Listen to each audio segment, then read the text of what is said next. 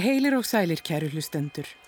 Orðum bækur er í sannarlegu sumarskapi þessa dagana, sólinn skín glatt, grasið er grænt og nammirekkarnir á bensinstöðunum svigna undan nýju kiljunum sem freysta okkar á leiðinni í sumabústæðin. Útkáfa nýra íslenskara glæpasagna er orðin sannkallaður vorbóði hér á Íslandi.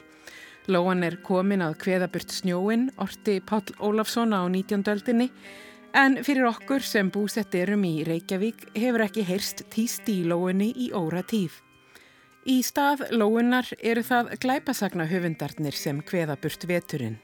Ylvolt blóð skáldaðra fórnarlampa, drípur af blaðsýðum hnaussikra kilja og þýðir vetrarhörkurnar í brjóstum bókaunenda. Tveir glæpasagna höfundar stíga sín fyrstu skref á rítferlinum í vor og gefa út fyrstu skáltsugur sínar. Íris Ösp Ingjaldsdóttir hefur skrifað skáldsjóna Röskun sem segir frá óhugnaði í þingkoltunum og einnig er útkomin Hemdarenglar eftir Eirik P. Jörundsson sem fjallar um voveiflega glæpi í Súðavík og undirheimum Reykjavíkur. Hemdarenglar hlaut Svartfuglin 2019 Önnur bókin til að hljóta þessi glæpasagna verlaun sem stopnuð voru að Virsu Sigurðardóttur og Ragnari Jónasinni í samvinnu við útgefenda sinn Veröld árið 2018.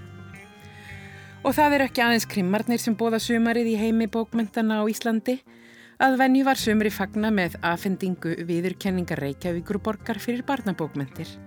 Það var skaldsagan Ljónið eftir Hildi Knútsdóttur sem var verlaunuð sem besta frumsamda barnabók liðins árs Rán Flígerring var verlaunuð fyrir framúrskarandi minnskreitingar sínar í sögunni um Skarpjén Dungal sem setti fram nýjar kenningar um eðli alheimsins og eru minnskreitingar hennar órjúvanlegur hluti þessarar bókar þar sem Hjörleifur Hjartarsson semur texta. Þá hlaut Guðni Kolbinsson verlaun fyrir bestu þýðingu barnabókar fyrir Villimærina Fögru eftir Filip Pullmann. Einning voru í höfða síðasta vetrardag í fyrsta sinn veitt verlaun kent við Guðrúnu Helgadóttur, drottningu íslenskra barnabókmenta. Verlaunin eru veitt fyrir óutgefið handrit og er ætlað að stuðlað nýsköpun á sviði barnabókmenta og heiðra þar með Guðrúnu fyrir framlag hennar til barnabókmenta. Fyrst til að hljóta þessi verlaun er Bergrún Íris Sævarsdóttir fyrir handritið að skaldsögunni Kennarin sem kvarf. Jórun Sigurðardóttir tók Bergrúnu Írisi að tali um bókina, verlunin og starf barnabókar í töfundarins. En við hefjum þáttinn á mun blóðugur í bókmentum og sökkum okkur ofan í tvær nýjútkomnar íslenskar glæpasugur.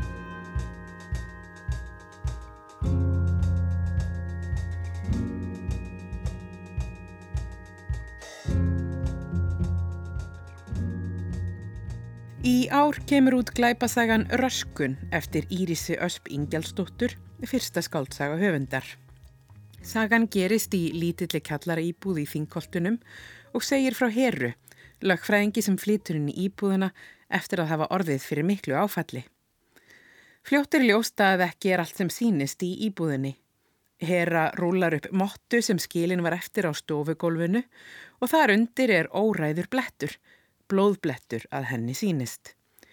Hún finnur krumpaðan minnismiða í eldússkápunum með okkvænlegum hugreningum einhvers sem óttast það að meiða og það fylgist einhver með henni. Hera á erfitt með svefn því að þrúandi nærvera liggur í loftinu. Hún rekkur upp með andfælum hverja nótt og sér veksumerki nærverunar. Dyr opnar sem voru lokaðar, hlutir á raungum stað, galopnir glukkar sem eru svo læstir þegar lögreglan er loksins komin á staðinn. Hera rökk upp. Henni fannst hún hafa heyrt þrusk. Hún opnaði augun og hlustaði. Herbergið var myrkvað en í gegnum gluggan fyrir aftan rúmið lísti döfri borgarbyrtu sem smög fram hjá myrkvunar tjöldónum. Augun vöndust fljótt vetrarbyrtunni og hún sá óljóst útlínur rúmsins, náttbórsins og fataskápsins. Svetenbergi styrnar voru lokaðar. Hún svaf betur þannig. Sálfræðingurinn hafði sagt að það væri eitt af því sem hún gæti ákveðið að láta eftir sér. Það þyrti ekki að heia allar baráttur, hafði hann sagt. Þær væri hægt að velja. Hún var því fegin. Náttbórsklukkan leta hann að vita með appelsínugulum tölustöfum að það væri miðnótt, 4.07. Hún reys upp við dogg, ennþá mitt á milli sveps og vöku, ennþá ekki alveg viss í hvori veröldinni hún var stött. Hún strauk hönd yfir augun og geispaði. Hún gerði sér ekki fulla grein fyrir því hvað hafði vakið hana.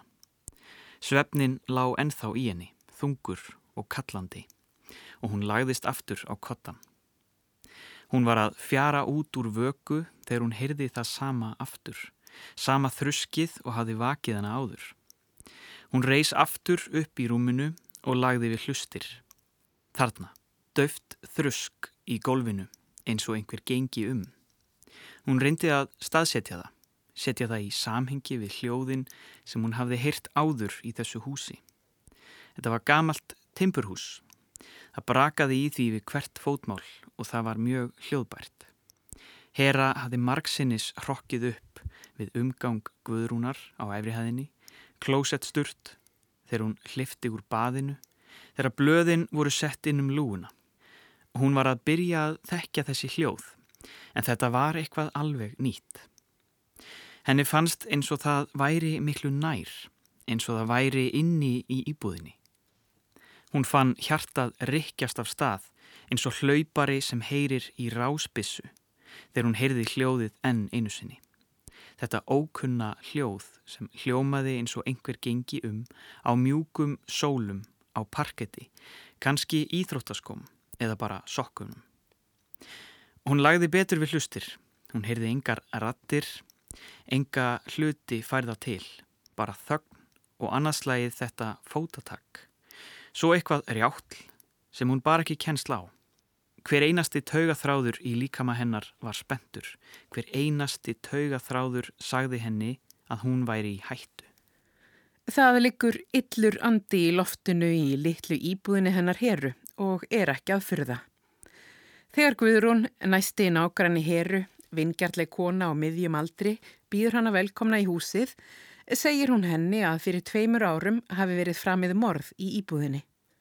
Þá bjóð þar ungt par með kornabarn og einn daginn fór maðurinn yfirum og stakk konu síni til bana og let sig svo hverfa, skildi kornabarnið eftir hjá blóðugu líki móður sinnar. Korki tangurinn í tétur hefur sérst af manninum síðan þá og gruna ver að hann hefði kastað sér í sjóin. Íris Ösp fléttar þessum tveimur sögum saman í skaldsögu sinni, sögunni af herru sem finnur fyrir óþægilegri nærveru einhverji röskun í íbúðinni og sögunni af Stellu, ungu móðurinni sem þar var myrt fyrir tveimur árum. Skaldsagan er nokkur skonar stofudrama. Frásögnum gerist meira og minna í litlu kjallari íbúðinni í þingoltunum.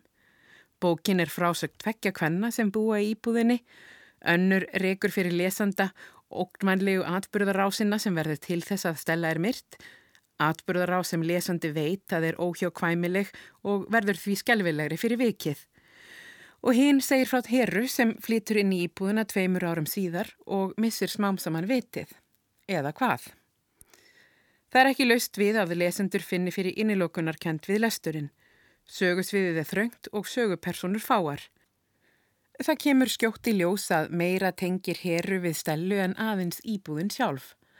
Smátt og smátt kemur í ljós að margir af þeim sem eru í lífi heru voru einnig í lífi stelu og ef það er einhver sem ásækir hann á kvöldin þá liggja allir undir grun. Er það vingjartlega nágranna konan Guðrún sem mókar snjóin fyrir heru og var svo sem fann stelu í blóði sínu? Eða er það Garðar, árásagjarni verktakinn sem er skjólstæðingur heru og ásækir hanna og kemur í ljós að var einnig vinnuveitandi Aleksanders, mannsins sem myrti stelu? Eða er það Ragnar, hjálpsamið sjálfræðingurinn sem hefur leitt heru í gegnum bataferli með samtalsmeðferð og livjagjöf og kemur í ljós að var einnig sjálfræðingurinn sem vann með Stellu og Alexander á meðan Alexander var að missa vitið skömmu áður en Alexander myrti Stellu. Guðrún, Garðar og Ragnar þekkja öll litlu íbúðuna hennar heru í þingkoltunum. Guðrún hefur búið í húsinu í fimm ár og þekkir allan húta þar. Garðar byrtist eitt dæning garðinum og situr fyrir herru, glottir ógnandi til hennar, er ósáttur við þá aðstóð sem hún hefur veitt honum sem lagfræðingur. og Ragnar guðar á gluggan eina nóttina, skömmu eftir að skuggaleg vera veitist að heru íbúðinni, segist aðeins hafa komið vegna þess að hera ringdi til hans. Hera er ekki í geðrænu ástandi til að meta það hvort hann segi þar satt frá. Því að Hera er smátt og smátt að missa vitið. Rétt eins og Alexander misti vitið tveimur árum áður. Hera óttast að hún endi eins og Stella á golfinu í blóði sínu, en geti verið að hún eigi eftir að endi eins og Alexander, hættulega ekki aðeins sér heldur ytning öðrum. Ljóst er að í henni býr manneskja sem getur beitt aðra ofbeldi ef þörfur á. Eftir því sem líður á frásögnina fáum við að kynnast barnæsku herru þar sem hún var beitt miklu harðræði og ofbeldi af föður sínum, ofbeldi sem lauk ekki fyrr en hún var nógu sterk til að ráðast sjálf gegn föður sínum, nógu sterk til að stöðva ofbeldið með hörku. Heimilisofbeldi og ofbeldi gegn konum er rauði þráðurinn sem tengir heru og stelu. Stella er beitt ofbeldi af sambílismanni sínum og í skaldsugunni er kafa dýpra ofan í brengluðu böndin sem tengja geranda og þólanda sem eiga í nánu sambandi. Hvað er það sem fær menn til að beita magasínu og börn ofbeldi? Og hvað er það sem kemur í vekk fyrir að konurnar yfirgifið þá? Íris Ösp tekur af næmni á þessu ferli í ofbeldisambundum á þessari sjúku ást, meðvirkni og samviskupiti. Hera hefur einnig mátt þóla ofbeldi af hálfu ástvinna sinna. Fadir hennar beitti hanna og móður hennar ofbeldi og hefur þetta ofbeldi markað líf hennar. Hera er einstæðingur, vinafá, gefur ekki færi á sér, hleypir engum nærri sér. En þessar varúðarástafinir sem Hera hefur gripið til til að vernda sig frá ofbeldi eru til einskis. Ofbeldi er nefnilega ekki aðeins að finna inn á heimilum. Fyrir tveimur árum, þegar Stella reyndi að verjast manni sínum, reyndi Hera að verjast ókunna manninum sem réðst á hana eina nóttina og dró hana inn í skuggasund. Og lesendur geta ekki komist hjá því að velta fyrir sér hvort óknin sem stafar að Heru sé ekki af mannana völdum. Er reyndi í litlu kjallara íbúðinni í þingkoltunum. Eftir því sem óknin magnast í frásögninni, grýpur Hera til þess örþrifar áðs að kalla á aðstóð miðils. Miðillin staðfestir að slæm orka sé í húsinu, að eitthvað sé á seiði sem sé varasamt. Hún getur þó ekkert aðstofað herru, segist geta hjálpað tíndum öndum að fara yfir en svo sé ekki um að ræða hér. Það eina sem hún getur sagt er að herra er ekki einn í íbúðinni. Hún hvetur hana til að fara varlega. Jáhá, svarar herra og vindur hendurnar vandraðilega í kjöldu sér. Röskun eftir Írisi Ösp Ingjálsdóttur er vel skrifað fyrstaverkri töfundar og lofar góðu. Íris spinnur frásögnuna vel og fléttar sögu, stellu og heru skemmtilega saman. Henni fýpa staðeins undir blá lokin við uppgjör sögunar þegar sjónarhort frásagnarinnar fer á flögt. Það hefði eflaust verið hægt að gefa afhjúpuninni betri skil, gefa uppgjörunni meiri tíma til að lifa. En lausnin er snjöll. Allt í allt, stór skemmtilegur sálfræðitrillir með yfirnáttúrulegum undirtón.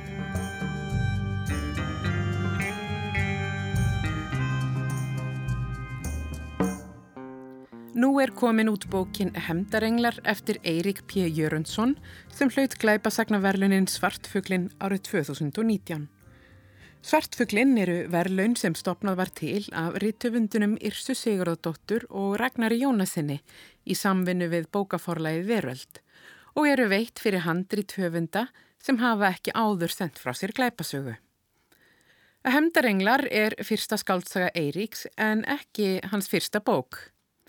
Áður hefur komið út eftir hans sakfræðiritið þar sem land og haf haldast í hendur yfirlitsrit um sögu Súðavíkur reps frá landnámi til dagsins í dag.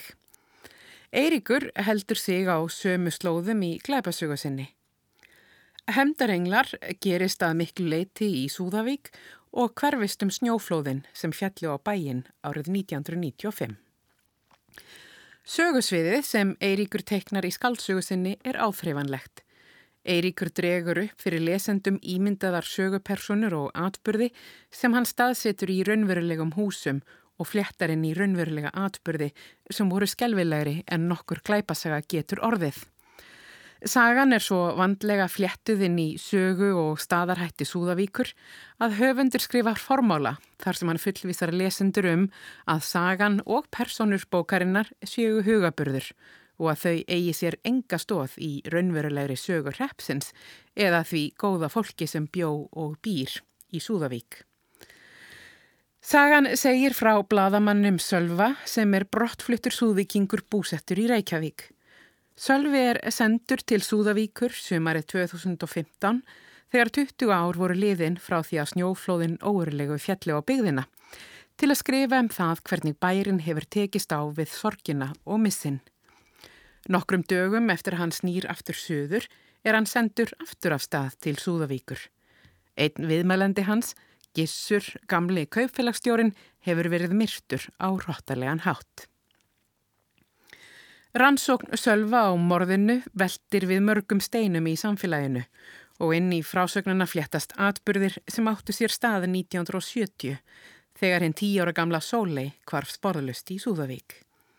Valgerður, dóttir Gissurar, var besta vinkona sólegar og hefur aldrei náð sér eftir kvarfennar. En tengist morðið á Gissuri kvarfi sólegar og hvernig þá?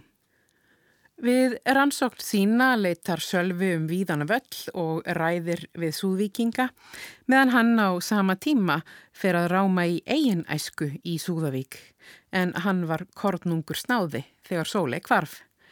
Gæti verið að hann hafi sjálfur séð morðingjan. Skaldsagan ber heitið Hemdarenglar og snjóflóðið sem fjall á Súðavík 1995 er þunga miðja frásagnarinnar. Valgerður Gísuradóttir lendi í snjóflóðinu og misti þá tíu ára gamla dóttur sína. Höfundur fléttar inn í frásagnina endurminningum sögupersona af snjóflóðinu og varpar okkur inn á heimili Valgerðar skömmu áður en hún grefst undir. Hún hristi aðeins höfuðið þegar hún hugsaði til þess hvernig náttúran og veðurguðurnir gáttu leikið íbúana í þessu litla þorpi. Sömrin svo einstaklega björt og fögur en veðurnir breytist oft í eitthvað sem helst líktist ísköldu helvíti. Eins og kvítir hemdarenglar færu yfir fjöll og fyrði og erðu engu, allra síst þeim saklösu. Veður guðirnir eru hemdarenglarnir sem sveima yfir Súðavík og okna íbúum en mennirnir sjálfur eru einnig hemdarenglar. Ljóst er að margir eiga margs að hefna í Súðavík, að mörg eru lindarmálinn sem íbúar hafar þagað um í ára tugi. Það er ekki aðeinsið 45 ára gamla mannskvarf sem ásækir bæjarbúa, heldur einnig mikil sjóskaði sem átti sér stað hið sama ár, þegar fjórir menn hurfi í sjóin. Tvennum sögum fer hverjum um skal kenna. Er gísur í kaupfélagsstjóra og eiganda skipsins um að kenna sem sendi bátin á veiðar þrátt fyrir ofsa veður? Eða er þóruði skipstjóra, pappa Sölva um að kenna sem neytaði að stýra bátnum þennan dag þar sem hann var ósattur við að sykla í veðrunu? Sölvi er ekki eina söguhetjan sem Eiríkur kynir til sögunar í hendarenglum. Í skaldsögunni segir einnig frá henni 23 ára gömlu Ísolt, sumarstarfsmanni á dagblæðinu hans Sölva. Ísolt vinnur að stóru máli. Vinkonu hennar hefur verið nauðgað af einum ríkasta viðskiptajöfri Íslands og hefur Ísolt ásett sér að afhjúpa málið.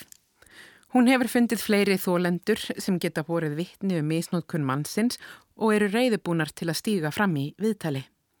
Þar sem um viðkvæmt mál er að ræða, hefur Rítstjóri dagblæsins fengið sölva það verkefni að aðstóða Ísolt við gerð fréttarinnar. Mál viðskipta jöfursins vindur þó fljótt upp á sig. Dægin fyrir útgáfi fréttarinnar draga stúlkurnar tvær samþykki sitt fyrir byrtingu til bakar og skömmu síðar hverfur önnur þeirra. Ísolt sógast inn í undirheima Reykjavíkur við rannsókn sína á málunu og þarf að flýja heimili sitt þegar okkveikjandi menn byrjað elda hanna á röndum. Hún gefst þó ekki upp. Hún hefur viðskipta jöfurinn grunaðan um að hafa valdi kvarfi stúlkunnar og situr um hann, leggur bílnum fyrir framann glæsihúsið í Fossvogi og býður átækta. Ekkert gerðist. Það segi á setni hluta dagsins. Veðrið var þurft og fremur stilt en dimgrá skí þögtu híminin og síðdegið var orðið hálfrökkvað eins og mögulegt var í bjartasta mánuði ársins. Ísolt sá að ljós kviknaði í glukka húsins. Það var í það minsta vísbending um að hann væri enþá heima. Ágætt að hún var ekki að vakta mannlust hús að óþörfu. Hún geispaði og tegði sig eftir brúsanum með grænu orkubombunni. Hann var tómur. Hún andvarpaði og hendi brúsanum í sætið við hliðina. Horði síðan þrjósk á stílreina kassahúsið við enda gödunar. Henni varð hugsað til uppáhaldspersonu sinnar úr bókum Stíg Larsson. Djöful þyrti ég að vera eins og hún. Þá væri ég búin að hakka mig inn í tölvuna hjá ógeðinu og koma upp um allan nýðingsháttin. Svo myndi ég æða inn til hans með stöðbissuna og bindan við sófan og pína upp úr honum hvar byrta er. Djöfull væri það gaman. En auðvitað er ég ekki lísbeð. Það eina sem við eigum samílegt er að vera smávaksnar mjónur sem enginn þólir. Nefna kannski einn miðaldra bladamadur, hugsaðun. Líkt og Lísbeth Salander og Mikael Blomqvist þá eru Ísolt og Sölvi kraftmikið tvíegi, félagar sem vega upp á móti hvoraðuru.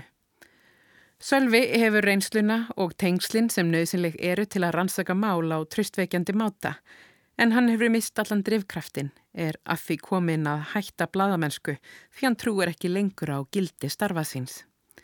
Ísolt hefur ástríðuna og áræðinina. Hún trúir að með starfa sínum getur hún breytt heiminum til hins betra og sannferir Sölva að þau ætti að stopna nýjan fjölmiðil, sjálfstæðan veðmiðil sem stundar áræðina rannsóknarbladamennsku og er ekki hrætt við að byrta greinar sem beinast jafnvel að áhrifamönnum í samfélaginu. Með þessari skáltsugu hefur Eiríkur lagt grunninn að bókaflokki glæpasagna ef hann svo kýs að halda áfram í söguheimið þeirra. Og vel væri ef hann svo gerði. Stærsti hluti hemdarengla sem hverfist um málinn í Súðavík er algjörlega frábær. Snjóflóðið í Súðavík gróf ekki aðeins byggðina, heldur afhjúpaði einnig gömul lindarmál. Úr rústum byggingana í Súðavík eru grafin upp sönnunargögn sem geta varpað ljósi á kvarf sólegar 1970. Minningin um snjóflóðið veldur svo umróti í tilfinningum íbúana. Þegar 20 ár eru frá flóðunum flikjast til bæjarins brottfluttir súðvíkingar, líkt og sölvi og við endurfundina kvikna sárar minningar sem svo margir höfðu grafið. Frásögn skáldsögunar flakkar í tíma og rúmi, sjónarhornins flöktandi en höfundur heldur boltum vel á lofti og bindur endanhúta á nokkur meginn flesta þræði. En sá hluti skálsugunar sem gerist í Reykjavík og hverfist um Ísolt er ekki eins vel uppbyggður. Ísolt lendir í æsilegum ævinturum í Reykjavík en höfundur beinir sjónum sjaldan til þeirra og af því leiðir að sögupersonan er illa þróið.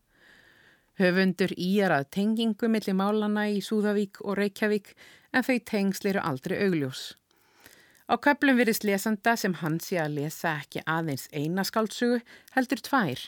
Síkilda rannsóknarglæpasögu í Súðavík og harðsóðin dópkrymma í Reykjavík. Hemdarenglar eftir Eirik P. Jörundsson er æsispennandi glæpasaga þar sem söguhetjur glíma við sekt sem gengur í arf, kynnslóða á milli og við samsari yllra manna sem einskis svífast í að ná sínu fram.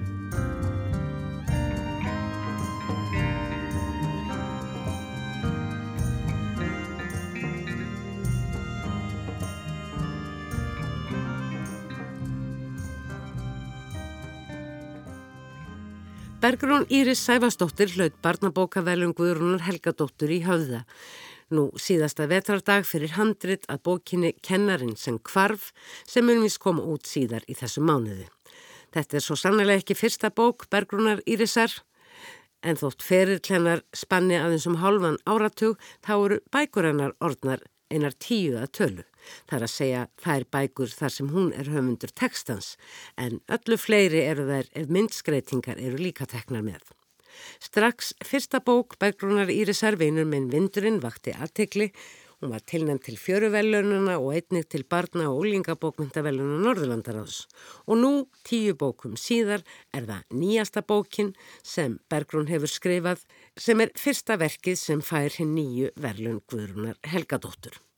Það var fyrir réttu ári að Reykjavíkur borg á samt forlæginu og Reykjavík bókmyndaborg ákváðu að í framtíðinni erði nýju handriti barna og eða úlingabókar veitt verlaun kent við Guðrunu Helgadóttur sem sannarlega var íslenskum barnabókmyndum samtímans lifti stöng og framtíðar höfundum á því sviði mikil kvartning. Bergrún Íris til hamingu með verlaunin Þetta hefur nú kannski ekki komið þér á óvart svona beinlinis því þú sendir jú innhandrit og þá getur allt gerst. Jú, þetta kom mér á óvart, mjög mikið. Ég, ég fekk símtal frá ráðusnu og ég spurði hvort það væri nokkuð fyrsti apríl. Nei, það var ekki fyrsti apríl.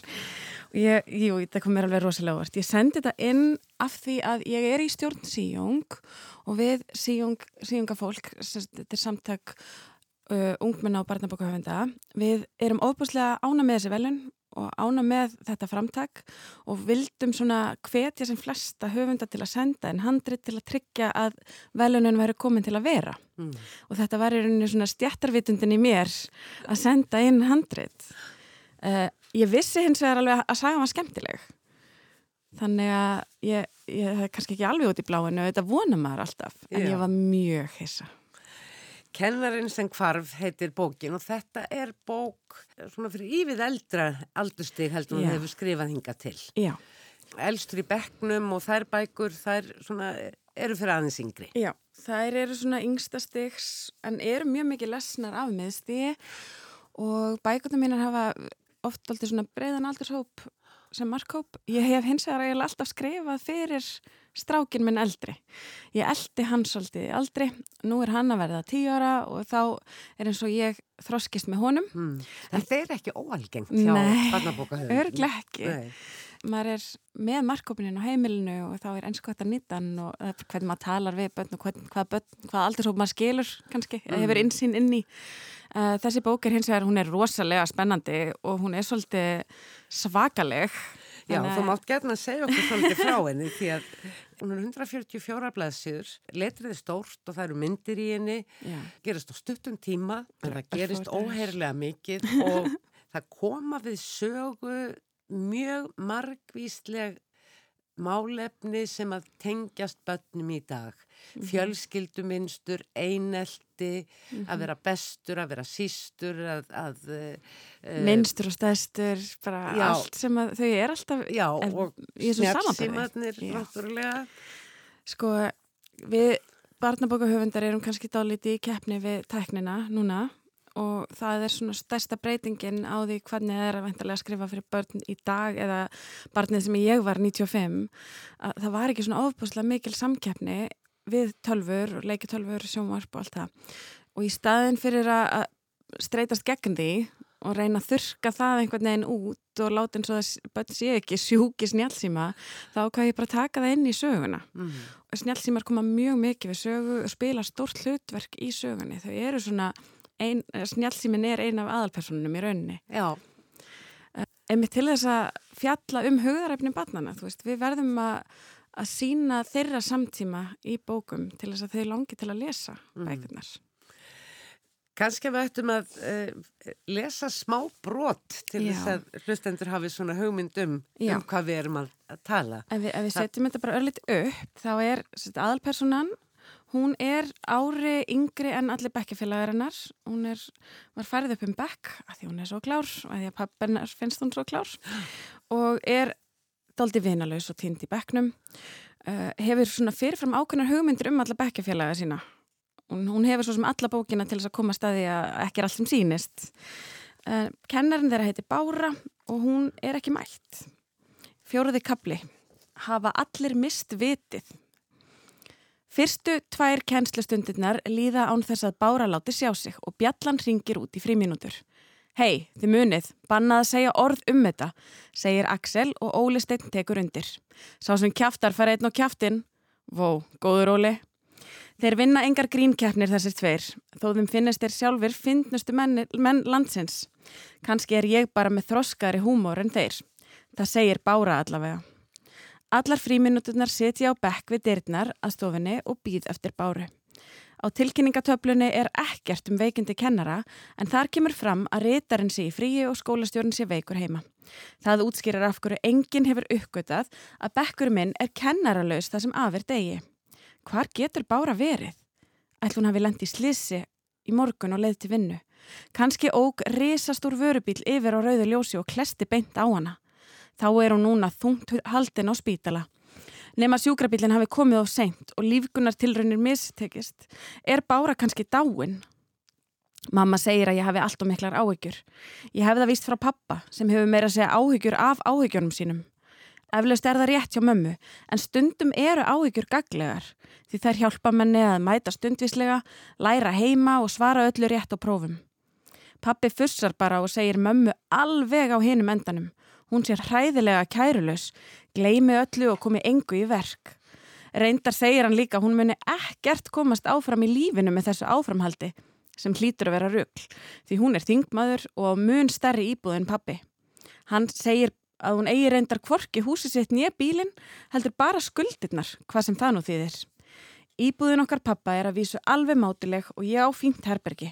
Við búum við sömu götu og bára og leið til og frá skóla gengi fram hjá húsinennar.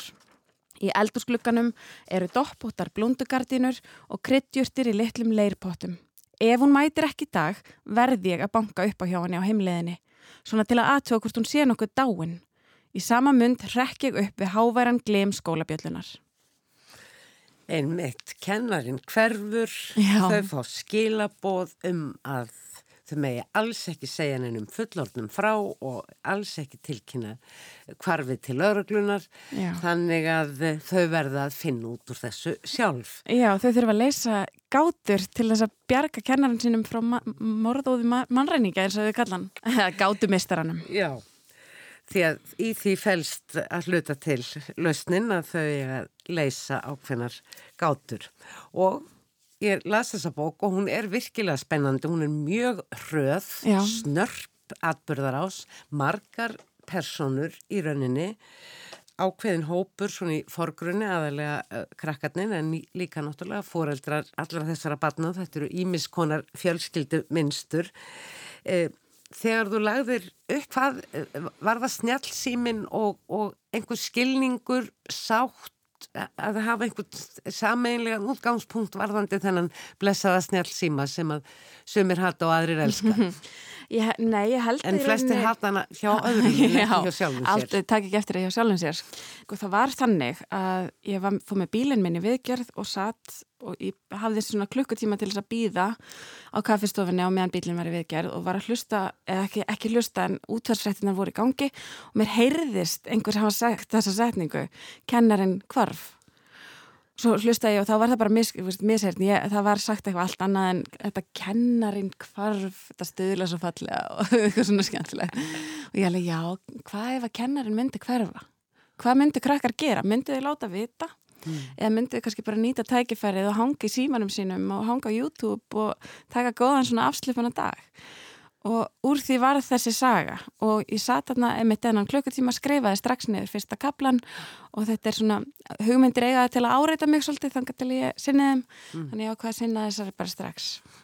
Tekningarnar, byrjar það að tekna samhliða því að skrifa eða gerist það eftir á? Um, yfirleitt samhliða eða jáfnvel á undan í þessari bók hins vegar var það ekki þannig.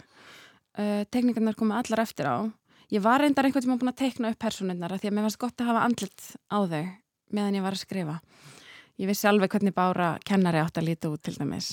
Um, hins vegar, mig langaði rosa mikið að fá annan teiknara til þess að teikna þessa bók. Svo bara af því að hún vann þessi velun og við ákveðum að, drífa hana út, drífa hana í umbrot og prentun og allt, þá var einfaldast að ég myndi gera það sjálf í staðan fyrir að fara að finna teiknara og finna hvenar hann hefði mögulega tíma til að myndskrita bókina. En mitt dreymir um að vinna með alls konar teiknarum, sleppa takinu og sjá einhvern annan myndskrita bækuna mínar. Með öðrum og uh, þú vinnur líka uh, með uh, tilvonandi lesendum þínum. Jú. Þú þakkar hér í lókbókarinnar eða í upphæðrendar. Þá þakkar þú hóp af lesendum, krökkum sem að þú greinilega hefur svona eitthvað verið í samskiptum við um Já. efni bókarinnar og samþæringakraft. Já, mér finnst það mjög mikilvægt. Maður verður að passa upp á ákveði tungutak og bara vera að tala rétt við krakkana eins og hluta þeim, eins og maður sé batna því að þarna, þessi saga líka í fyrstu personu, hún er svolítið að segja frá þessi stelpa mm -hmm. og fyrst að ég er búin að setja mig inn í kollin á henni þá er eins gott að það passi allt sko, mm. þannig ég fæ bæði svon minn Það sé ekki bara tvekja banna móður að tala Já, það sé ekki, ég er fætt 85 mín æska er allt öðruvísi heldur en æska sonar míns og bæði fæ ég svon minn til að hlusta og gefa mér góða punta Lík, þessi bók fór til stráks sem heitir Elias og er alveg stórkostlegur ungu drengur með miklar pælingar og hann ringdi í mig hann Eli og í staðin fyrir að senda bara skilabóði gegnum mömmu svona mjög spennandi sagði að þá ringd hann og við áttum alveg tvekja klukkutíma landspjallur um allt saman. Hann var að segja já mér fannst skemmtilegt að gera þetta og þetta og mér fannst mjög aðteglisvert að hún hérna hekla þöll, hún er, ég held að hún sé skotin í stelpunni í begnum og þú veist þau er að pæla alls konar, þau stundum langar þau bara að tjá sig og fá svolítið um hlutin að segja. Mm. Það var eitt sem að uh, ég staldraði svolítið við sem er, og mér fannst rosalega stórt. Það kemur við sög að það er klift hárið af Já. fólki Úf.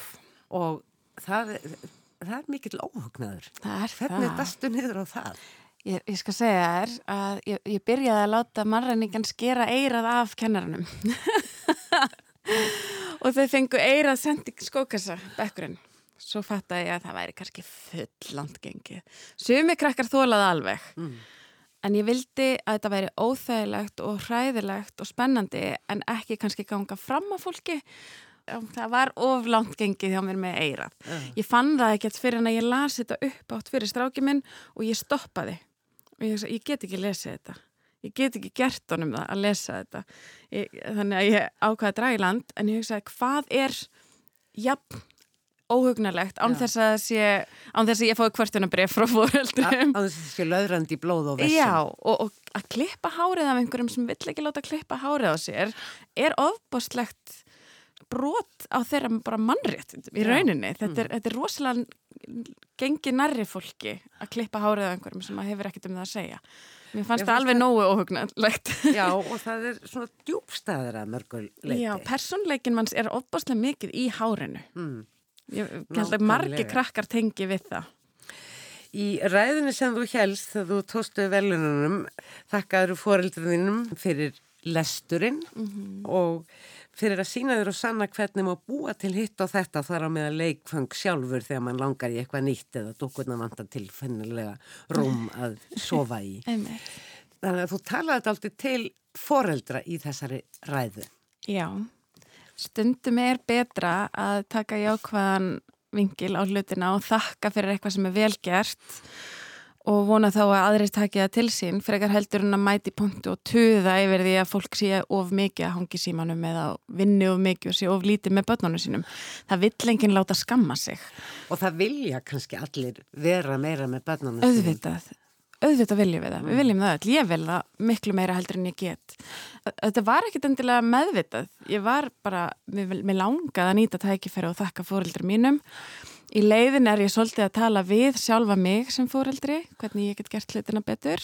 Og ég reyna að vanda mig en það er ekki alltaf tími og maður er rosalega upptíkinn og ef einhver annar getur nýtt sér það í leiðinni sem smá sparkir að sinn þá er það bara frábært. Þú sagðist að lesa bækur er samt ekki það sama og að skrifa bækur. Það þarf að skrifa þær aftur og aftur og upphugsa sögu og personur og umhverfi og allt verður að vera nokkurt veginn röggrétt, að minnstakosti eh, er að vera trúlegt, ég ætla þótt að sé ekki til. Og þú fóst, þú byrjar á því að fara í námi listfræði, Já. varstu þá þegar var þetta skí orðið að einhvers konar staðrendi hafði þessi draumur að skrifa, að skrifa. bækur?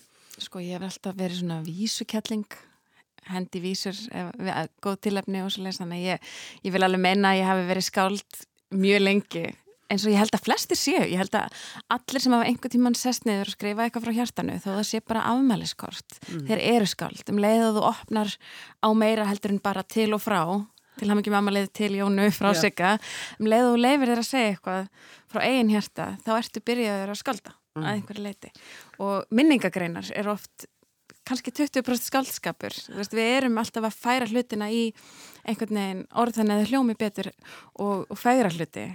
Og, og til að kannski segja eitthvað meira heldur en bara tilefnið inniheldur. Algjörlega, maður minn hlæra ofta því að ég á það til að íkja sögur mm. og það er algjörlega ómeðvitað það er bara, ég er ég, ég skáldar svo mikið ómeðvitað mm. maður er að segja frá einhverju sem að það er bara skemmtilegra að íkja það sagan verður betri þannig Hún er svolítið svolítið sem hekla þöll. Já, hún er klálega þannig og pappina líka. Já, en, með svona aðdragandan að því að þú ferð að já. skrifa sem atvinnumanniska. Það er alveg óvart. Já, ég ætla alltaf að vera teiknari. Það var það sem ég ætlaði að gera. Einhverjir aðrir og betur skrifandi átt að taka þessar tekstasmiðina. Hitt gerist algjörlega óvart í þessu samtali sem ég ávið svonmenn nefnitt til hann er tveggjara og vinum með vindurinn fæðist sem samtal. Og við erum bara að tala saman, við erum bara að segja honum frá vindinum og allt sem að vindurinn gerir og svo hugsa ég, þetta hljómar hansi vel. Ég verða að skrifa þetta neður þannig að það er orðrétt eins og ég sagði honum frá vindinum. Og svo bara byrjum maður að spreita sig og tekningarna koma í kjálfæri já, þar mm. um, ég, veit, ég veit ekki okkur ég flækist inn í þetta. Mér dreymdi alltaf um að geta þetta en ég vissi ekki að ég gæti það. Mm. og ég vissi að ég gæti teiknað og það var búið að hlú mjög, hlúa mjög vel að því. Og það var búið að rósa menni nóg mikið gegnum árin í myndment í gamla daga og veist, þetta er einhver svona færðni sem ég vissi að ég var með. Um, þannig að ég var sjálfsörug þar en ég var ekki sjálfsörug í textasmíð mm. og í skrifum, alls ekki mm. og þar kemur bókabeitan opbústlega sterkinn þær eru búin að ala mig upp, þær eru mín, minn reitlista skóli reitstjóratni mín er hjá bókabeitinni mm. og bara búin að púsa mig til sem höfund ótrúlega vel mm. og þú lætur þér líka þetta svolítið svona óvenjulegi hlutir í hug eins og þetta með, með eldstu bækurnar. Já. Það er svolítið merkileg hugmynd að gera gamlan mannar aðalpersonu í barnahóp. Já, það er vond þegar svona frábær hugmynd heldtökur mann að því að þá verður maður að gera eitthvað við hana að því að ég var svo óbúslega hrættum einhver annar fengja þessa hugmynd og færa á stað með hana. Og ég hefði alveg grátið í kottan hvert kvöld ef einhver, ef að Gunni Helga hefði skrifað elstur í bekknabækunar en ekki ég. Þannig ég vissi, ok, þú verður bara að gera þetta. Þú verður bara að gera svo vel að drifi þessu og ég er óbúslega mikið í því að, að koma mér í verkefni áður en ég hef nokkuð tíma prófað að sinna þeim. Og hafði sótt um listamannulegin, fekk þrjá mánuði til að skrifa þessa bók, þá var eins gott að skrifa bókina, þannig að mér finnst það svo gaman. Mér finnst mm. gaman að rétt upp hönd og segja ég skal gera þetta og kanna svo hvort ég geta. Af því að ég held að getan vaksi með hverju verkefni Um, ég núna nýttekin við sem formaður síjung, það var alveg svona óvart og ég, við sjáum bara til hvernig það gengur. Mm. uh, ég lofaði að skrifa sjómanstætti upp úr elstur í bekknum. Það, það bara kom ég, ég hef aldrei skrifað sjómanstætti á þér við sjáum bara hvað gerast mm. þannig að ég, ég elska þetta, að lofa mér í eitthvað og láta svo og neyðast svo til að læra það. Stórkostlegt. Gott veganesti út í daginn vikurnar og sömarið en Mér langar samt svolítið til að vita svona, hvernig er dagurinn þinn? Hvenar, hvenar skrifar þið? Skrifar þið þegar börninu eru sopnuð? Uh, ég er rosa mikil rútínumanniska. Uh, drengurinn minn yngri fyrir á leikskóla klokkan 8 og sonurinn er farin í skólan þá og þá hef ég bara ákveðin glugga til þess að sinna vinnunni vegna þess að ég vil gefa þeim samveru með mömmu sinni eftir venjulegan vinnutíma þannig að ég fer út í Ísús, Ísús í Hafnafjörði það er svona listamanna kommuna opboslega skemmtilegt starfi gangi. Og þar er ég með svona lit, litla vinnustofu þar sem að ég hef með skrippborð og ég hef bara með góð heyrnatól og mér finnst gott að vera innan um fólk og mér finnst gott að skrifa innan um fólk en það fyrir svolítið eftir hvar í ferlinu ég er hvort það hendar mér að vera á vinnustofunni mm. jafnvel, setjast inn á kaffehús eða að vera heima. Og stundum skrifa ég heima á meðan og ég halla bara hörðinni og drengurum minn er frammi með fullan, hérna, fullt hús af strákum og ég bara hlusta þá tala saman mm. til þess að sækja mér efni við það er Já. svo margt sem kemur Það er margt sem streymir bara beinlýnins úr umhverfinu til þín. 100%. Mm. Um, vinnan samt eldir mig alveg stundum upp í rúm og ég meðist þægilegt að teikna upp í rúmi á kveldin og ég teikna mjög mikið í bílnum og þegar við erum í lengri ferðum þá er ég alltaf að teikna. Þannig að ég er, þetta, þetta er meira lífið mitt heldur en vinnan mín einhvern veginn. Mm. Og hugmyndir koma ekki þegar það er eiga að koma. Það er koma þegar maður hefur engan tíma til að sinna þeim. Sé gert við bílinn. Algjörlega, eða maður er í styrtu eða einhverstaðar með börnunum sinum, þá koma hugmyndinar, þá er eins gott að vera með skissubók og grípa þeir sko. Mm. Og hugmyndinum um langalstur í bekknum, uh, hann Rökkvald gamla kom í rauninni sem bakverkur. Það var svolítið skemmtilegt. Ég var að sækja strákin minn um, í frístund og hann satt og var að perla og ég settist hjá hann í svona allt of lítinn stól. Og mér var svo illt í bakinu og ég hugsaði að þessi húsgögn er ekki gerð fyrir fullotna mannesku og þá kemur upp hugmyndin um eldgamlan kall sem einhvern veginn passar hverki inn og hann er með tennutnar í glasi á borðinu og allt sem getur mögulega komið mm. úr því. Og hann fættist 100% sem mynd á bladi áður en að ég byrja að skrifa nokkuð. Ég skil. Já þú seg, hefur sagt frá því að þú hefur lesið mikið sem barn og hefur sagt frá uppáhaldsbókunum þínum og ekki síst uppáhaldsbókunum þínum eftir Guðrún Helgadóttur. En hvað, hvað lestu svona almennt? Og er Guðrún Helgadóttir uh, áhrifavaldur í þínum skrifum? Já, alveg óhjákvæmilega. Uh, hún er hluti af þessum flokna vef sem spunnist inn í mér. Uh, ég las ofbosla mikið þegar ég var lítil uh, las við hvert tækifæri og það er svolítið það er bæði gott og vond að eiga bat sem er svona ofbúslega neðsokki í bækur. Nú á ég dreng sem hann lítur aldrei upp á bókinni og hann reynir að klæða sér föt á meðan hann les og fer á klósustið og les og gengur og les og hann lappaði einu svona hálfa leið út í vatn af því að hann var svo upptekinn að lesa hann fattaði ekki að hann komin út í alltaf vatn í grímsnesi og hann tók ekki eftir því sko. Ég var svo leiðis um, og ég, ég, þetta er náttúrulega leiðilegt setninga þegar maður er að segja hérna ástu mín hægt að lesa, hægt að lesa, þú þarfst að borða. Og eh, luxusvandamál algjört. Og svona var ég. Og við ferðum svo opaslega mikið fjölskyldan. Við keirðum um allt land á, á húsbílum okkar. Og ég átti lögheimili bara á tjálstæðum landsins allt sömarið en ég sá rosalega lítið af Íslandi af því ég var alltaf að lesa. Mm við erum í, að kera fram í jökulsalóni en ég er bara með nefið honni bróða með ljónserta af því að það var miklu meira spennandi að vera í Nangi Jala heldur en í jökulsalóni. Þannig að ég misti af svolítið miklu af Íslandi og hef svolítið verið að vinna það upp í setni tíð og núna reynir ég að horfa út um glöggan en það þarf að minna mig ofta á það. Maðurinn minn minnir mig á það, að hætta að tekna kíkja um glöggan um, ég les mest ennþá badnabækur mér finnst þær bara miklu skemmtilegri og ég veit að mjög margir eru sammála mér. Mm. barna og unglingabækur eftir íslenska höfunda í dag eru bara af því líkum gæðum að það væri synd að missa af þeim.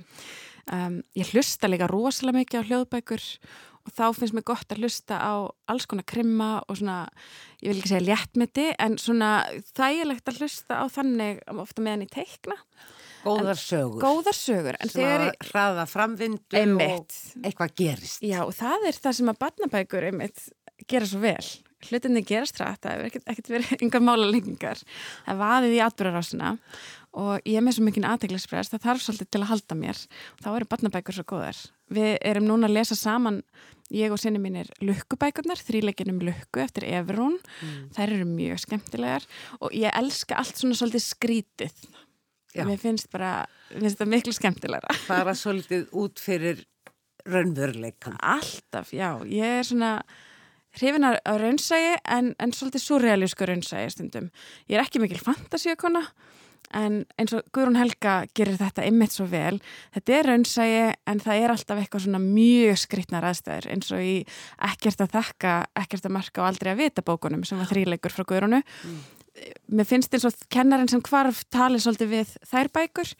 Þar eru vinnir sem að sjá peningatösku hend út um glugga á bíl komast í peningana og fara að deila þeim út svona í leini til fólk sem við vita hafa ekki mikið melli handana en þetta er náttúrulega eitthvað þýfi og löggan er að leita þessu og þetta er mjög spennandi bók mm. mjög spennandi.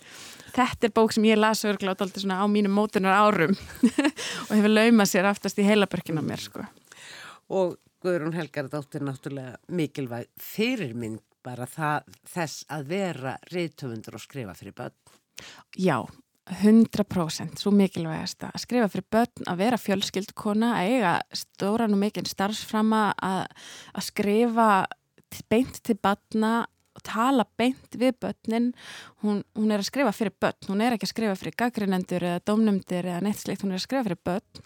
Og af þvílikri verðingu mm. þvílikri verðingu, ég minnst það mjög aðdáðanavert og mér langar að verða eins og hún þegar ég verð stór Ég held þú sérst að góðri leið með það ef ekki þegar orðin Bergrún Íris Sæfarsdóttir þakka þér innlega fyrir.